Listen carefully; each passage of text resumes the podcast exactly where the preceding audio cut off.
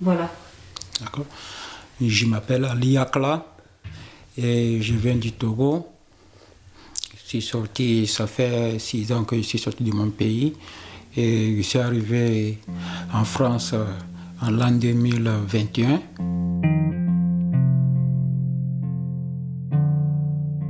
Ikaragarria da muga zeharkatzen duten migrarien kopurua. Etenik gabeko fluxu bat da. Agortzen ez den erreka baten antzera. Eta guretzat denak berdinak dira. Denak dira gauza bat bera eta bakarra. Migrariak. J'ai trouvé le plus dur dans ma, dans ma, dans ma route, j'ai trouvé la marche le plus dur parce que j'ai fait des milliers, des milliers de kilomètres. Baina kopuruen eta definizio orokorren gainetik, ahots, aurpegi eta errealitate desberdinak daude. Idrisa, Bama, Mariam, Aisha, Ibrahima, edo oraintxe entzun dugun aliakla. Izen eta bizenak dituzten gizakiak dira. Pertsonak.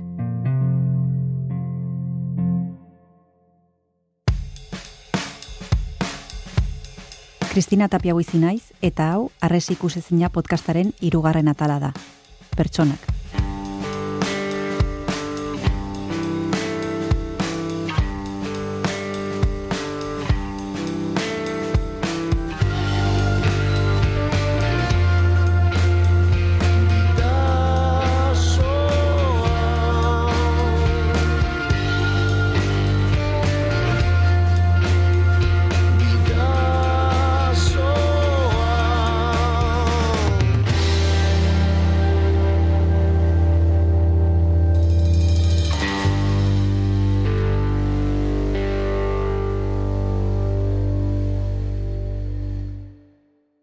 Zenbakiak erraldoiak dira.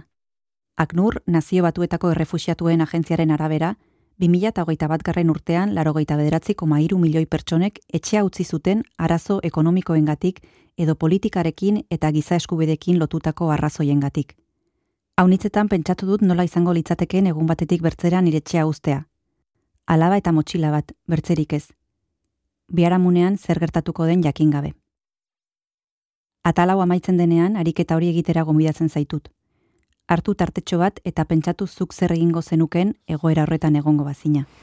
Eta hori da hemen e, bolondresek eta egunero ikusten dutena. Aurpegiak eta izena bizenak eta istorioak. Eta hori, e, eta historia milaka dire. Bakoitzak badu beria. Podcast honetan kopuruak bazter batean utzi eta migrarien aurpegiak egunero ikusten dituzten pertsonak ezagutuko ditugu. Antxeta irratiko koldo nagusia eta metxartzaiuz bertsolaria eta idazlea bertzeak bertze. Ba urtero lau mila edo bos mila pasatzen badira, bos mila historio ezberdin dira. Hori e, argi eta garbi. Persona batek kontatzen dizunean bere aurpeik eran begor putzian horria beste lur bat hartzen du, beste era modu batera zauritzen da mintzen zaitu, eta kontzientziare bestera bate hartzen duzu, zer dan hori, persona batentzat. Ez dago lareun izan berrik batek kontatzen badizu nahikoa da. Hau erraten zigun sarako parke batean ametxartzaiuz bertsolariak. Batek kontatzen badizu nahikoa da. Pertsona migrari baten larruan jartzea aski da ulertzeko. Haren zauriek zu ere nolabait mintzeko. Irungo harrera sarearen bitartez ezagututako Ibrahima Balderen hitzak letra bihurtu zituen ametxartzaiusek minan liburuan. Hizkuntza unitzetara itzulitakoa eta ita santuak berak gomendatutako lana. Abstraktua zena konkretu izatera ekarri zuen, eta amets bera aldatu zuen, kanpotik barrurako bidaia batean.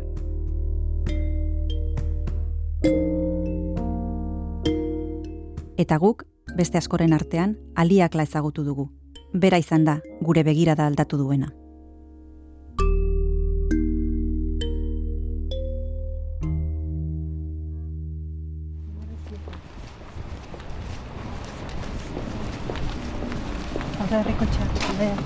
Hau.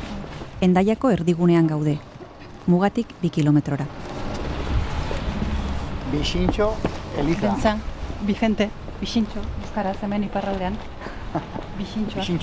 De hecho, de hecho, ziburuko bestak ere Bixintxoak. Herriko presbiteriora iristean, Jan-Mark Labinek endaiako apezak bere txeko ateak ireki dizkigu.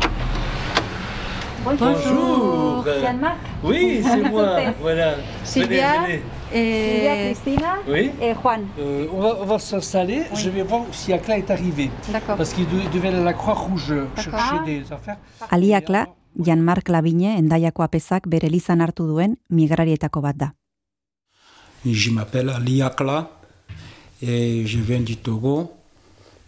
Je suis sorti, ça fait six ans que je suis sorti de mon pays et je suis arrivé en France euh, en l'an 2021 et je suis berger auprès du prêtre Jamak qui m'a apporté de l'aide totalement que je n'avais nulle part à aller et par la grâce de Dieu il y a mon sauveur qui est là, qui m'a sauvé la vie. C'est impressionnant d'entendre ça. moi, je vais dire qui je suis aussi. Hein.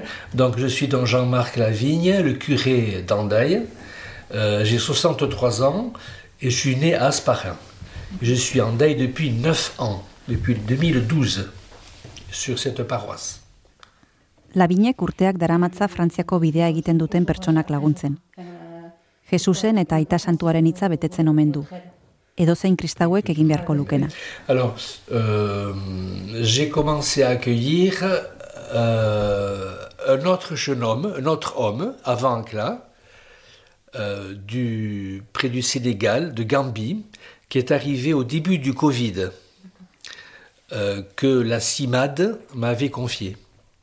Donc, euh, il est resté ici pendant deux années entières. Elizaren egoitza ontara iritsitako azken pertsonetako bat da Akla.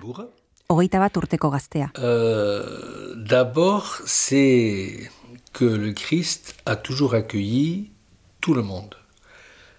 Hainbat aldiz saiatu zen Akla muga pasatzen irundik endaiara. Baina aldi guztietan jendarmeek harrapatu eta berriz mugaren bertze aldean toutes uzten zuten. Bere bosgarren saiakeran lortu zuen muga zeharkatzea. Toutes les paroisses accueillent les migrants. Et je me dis, ma maison est grande, c'est donc pour eux. Et donc je me suis dit, ben, vas-y, tu le fais. Je n'ai peur de personne. Bon, moi j'ai tenté plus de quatre fois. C'est ma cinquième fois que j'ai pu pouvoir eu l'accès de rester en Daï. Et pendant mes quatre fois, je rentre en Daï et la police me prend et me ramène en Espagne.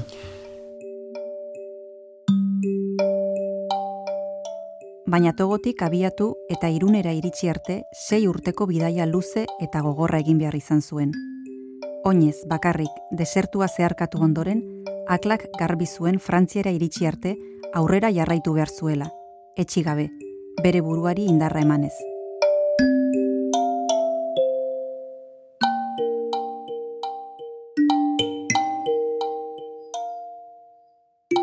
Bere herria usteko erabakia amabi urterekin hartu zuen. Lehenago, zortzi urte zituela, ark eta sei urteko anaiak gurasoak galdu zituzten. Haien zenideek tratu txarrak ematen zizkieten, eta ies egin zuten. Herri zerri ibili ziren, kalean bizitzen, eta egunero goizeko lautan jaikitzen, inor anaia eta biak harrapa ezitzan. Amabost urte zituenean, anaiari adopzio familia bat topatu zion Afrikan, eta aklak Europarako bidaia hasi zuen. Sei urte luzeko odisea.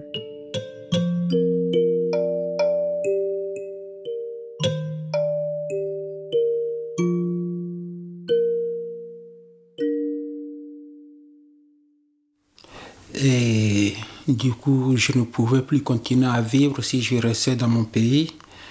Je me suis battu, je me suis battu dans la rue avec mon petit frère quand on était tout petit, quand j'avais déjà 8 ans.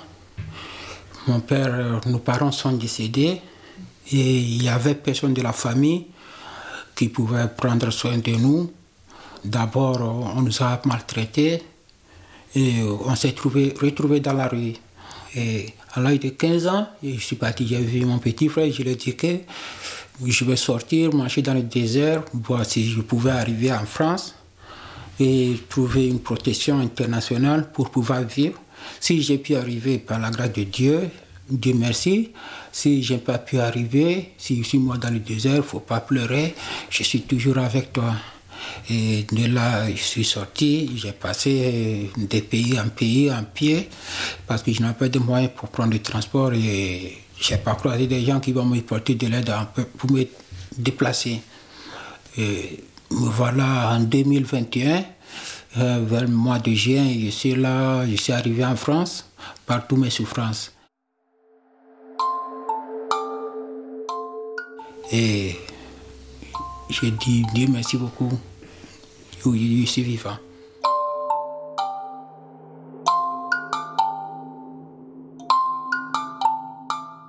Parce que j'ai fait des milliers, des milliers de kilomètres que moi-même, je, avant de voir comme des milliers de kilomètres que j'ai fait, je dois prendre un temps pour pouvoir calculer le là où, là où j'ai passé.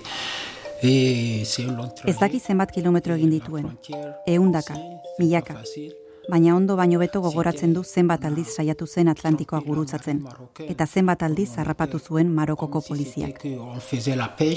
sur la mer du Maroc. Et du coup, on a pris une autre direction, totalement en oubliant totalement l'Europe. Et du coup, à deux jours de, de navigation, on a pris notre équerre, notre direction de l'Europe et on a pu traverser pendant une semaine sur l'eau. Europara iritsi bezain laster konturatu zenakla bidaia etzela maitzen.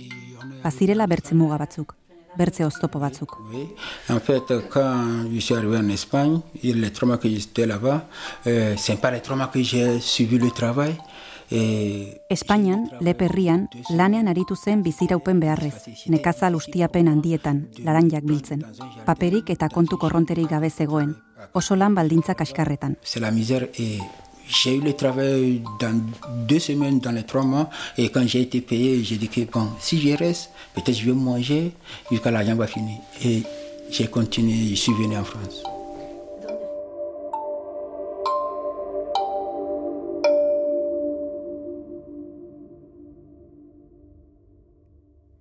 zazpi euro irabazten zuen saski bat betetzea lortuz gero. Alegin handia eginda, akla hiru saski betetzera iritsi omen zitekeen gehienera. Ordainetan jasotzen zuenak nekez ematen zion jateko ere. Gainera, lan baldintza gogorren ondorioz, bizkarra eta belauna kondatu zitzaizkion, eta bi aste egon zen belauna ondituta, minez. Orain, oraingoz, aliakla elizaren babespean bizida endaian, jainkoari esker esaten du berak. Jainkoa etorri zaiola bera laguntzera. J'ai eu la chance, je suis en taille. Et je suis encore aussi dans la maison de Dieu. Izan ere, aliakla kristaua da. Naiz eta mugara hurbiltzen diren migrari gehienak musulmanak diren. Baina hor ere, pertsona bakoitza mundu bat da. Bere bizipenekin, bere sinesmenekin, bere hizkuntzarekin eta bere kultura propioarekin etorri dena askotan horrek talka sortzen du gure bizimolde eta balorekin. Da la manière de se relacionner, dans les habitudes, les coutumes, les lois, la religion, tout ça que... Jon Aranguren da integrazioa helburu, Irungo San Juan Plazan migrante informazioa eta azalpenak eskaintzen dizkien harrera sareko voluntarioetako bat. Diferentzia batzuk txikiak dira. Kalean musika ozen entzuteko ohiturak bezala adibidez. Bertze batzuk sakonagoak. Emakumeen edo homosexualen eskubideen ingurukoak. Imagine, tu es marié et ta femme va euh, recoucher avec le voisin. Tu as le droit de divorcer. Tu n'as pas droit d'obliger à ta femme de la frapper, de la menacer. Jamais. Tu peux divorcer. Tu peux divorcer. Ouais, c'est tout. Et tu peux discuter pourquoi ça est arrivé ou... C'est ça, c'est ce que Miguel dit. Ta femme n'est pas de ta propriété. C'est un être humain comme toi. Gauza asko, e, bueno, eta gaia ze mutilei, ba hori, ba, ba, e, beste mundu bat dela, emakumekiko hemen daukagune jarrera beste bat dela, e, respetoa, homosexualitat, bai, ba, ba, ze karo, bai, bai, bai, ez da guztio, bai, bai, bai, eta gaina, bai, ze gaina, homosexualitatean ere esplikatzen zaie, zaten, e, horrekin ere eskatu, zakezu asiloa, beraientzako da, tabu, inkluso direnentzako ere, orduan, bueno, ba, zaie hitza. Integrazio hori errazten saiatzen dira bidaian laguntzen duten pertsonak. Tontakeria bat iruditu arren, pertsonak bezala tratatu eta solasten diete voluntarioek.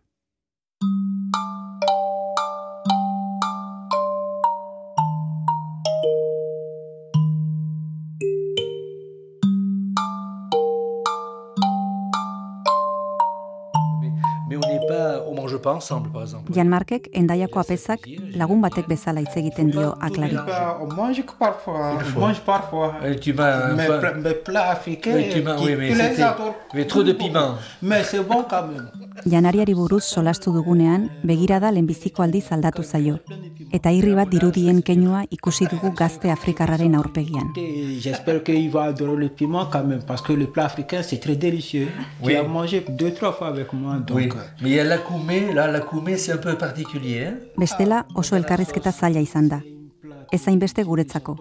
Batzuetan nola jarraitu ez genekielako, baizik eta aklarentzat. Une askotan isilik gelditu da, eta hitz egiten ez duen arren, bere begiek dena erraten dute. Garbi dago bere bizitza kontatzeak zauria berriz ere odoletan jartzea eragiten diola. mais c'est un peu difficile de la, de la gagner ici. Ouais, mais il est bon le vin de France. Ouais, mais le vin africain c'est très naturel et très... Pertsonak direlako eta pertsonak garelako. Migrari ia guztiek beraien motxila urrietan dakarten zama astuna eta gogorra da. Pertsona bakar baten zauriak ezagutzea nahikoa zela esaten zuen lehen ametsar zaiusek, bere mina sentitzeko. Eta gu, aliaklarekin hasi gara min horretaz jabetzen. Berea eta bera bezalako migranteen bidaia hil ala bizikoa baita. Oui, en fait, euh, j'avais un ami qui était au pays et quand d'abord, premièrement, quand j'étais arrivé en Espagne, et lui, a su que j'étais en Europe, et un jour, il m'a envoyé un texto.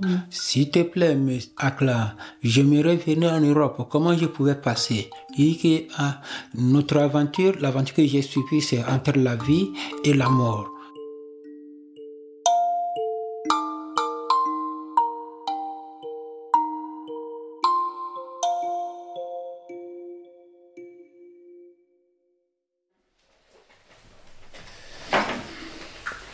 Les, les repito lo que les dijimos la otra vez, y es que no queremos hacerles sentir mal, ni, ni que hablen de cosas que no quieran, y que respondan a lo que quieran, como quieran. D'accord, c'est la première chose, c'est pas... Solasaldi hau bukatu eta bost hilabetetara, aklarekin elkartu gara berriz ere, endaiako presbiterioan.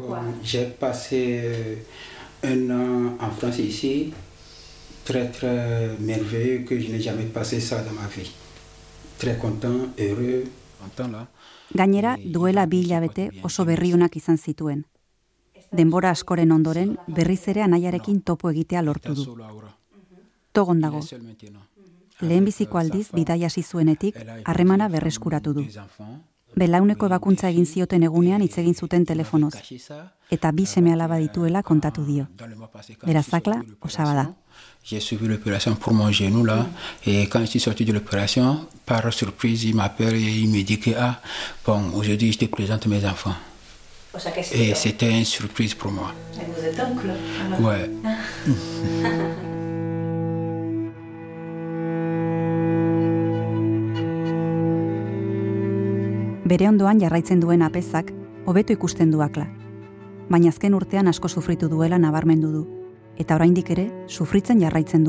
D'abord, euh, je vois qu'il s'est accroché aux études.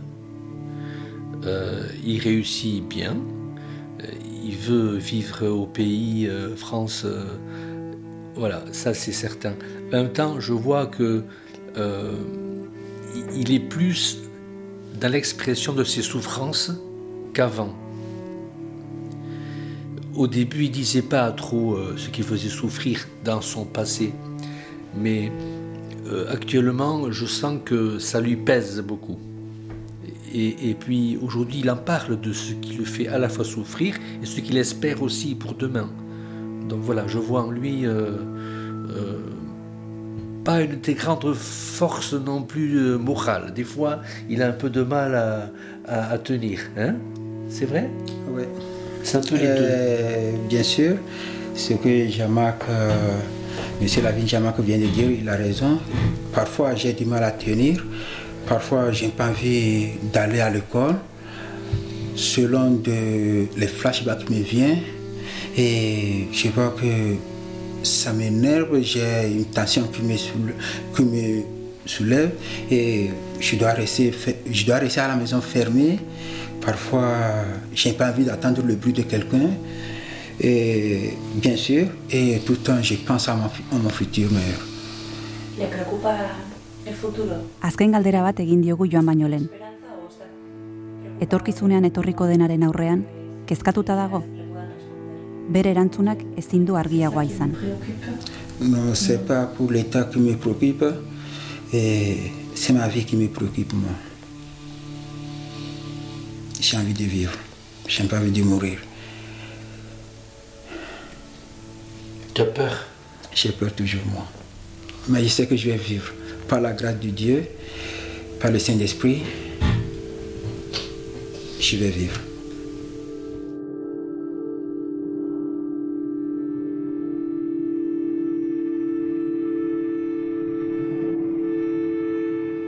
Hau aliaklaren kontakizuna da. Baina pertsona dina istorio daude. Norberak du berea. Sufritu duten guziaren zatitxo txiki bat ulertzeko aukera ematen diguten istorioak. Pertsonenak. Eta zergatik erabakitzen duten haien herrialdetik irten eta bidaia luze eta arriskutsu bati ekitea. Zergatik bihurtzen diren pertsona hauek migrari.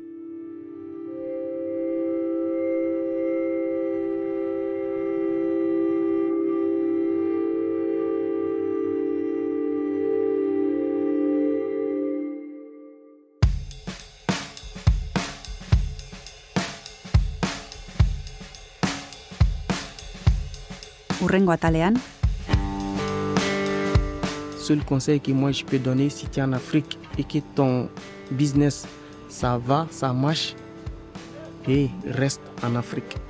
C'est mieux pour toi. C'est très très très très dur, voilà. C'est dur, c'est on peut pas tout expliquer.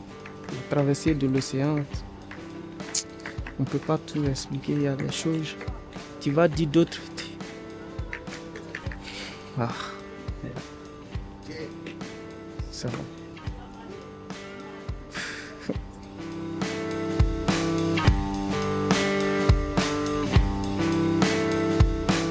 Arresi ikusezina Ulu Mediak EITB podcastentzat egindako serie dokumental bat da, eta Gipuzkoako foru aldundiak diruz lagundu du. Zuzendari eta ekoizle lanak nik neuk egin ditut. Xabier Etxeberria, Martin Etxeberria eta nik gidoia zarduratu gara. Grabazioak Juan G. Andresek eta Oier Arantzabalek egin dituzte. Muntaia eta soinu diseinua Juan G. Andresek eta Oier Arantzabalek egin dituzte. Silvia Tapia Buizik itzultzaile lanak egin ditu, eta sintonia gisa erabilitako kanta, bidasoa, Willis Drummond taldearena da. Gure eskerrik beroenak emanei dizkiegu irungo harrera sarea, iparraldea etorkinekin eta utopia elkartei. Voluntarioei eta proiektu honetan parte hartu duten guziei. Bereziki, irundik pasadiren migrantei. Haiei eskainita dago podcast hau. Gogoratu, EITB podcasten edo audioak entzuteko darabiltzun dena delako plataforman entzun dezakezula arresi ikusezina arpidetu eta gustoko baldima duzu familia eta lagun artean zabaldu. Zaindu eta hurrengo atalera arte entzule.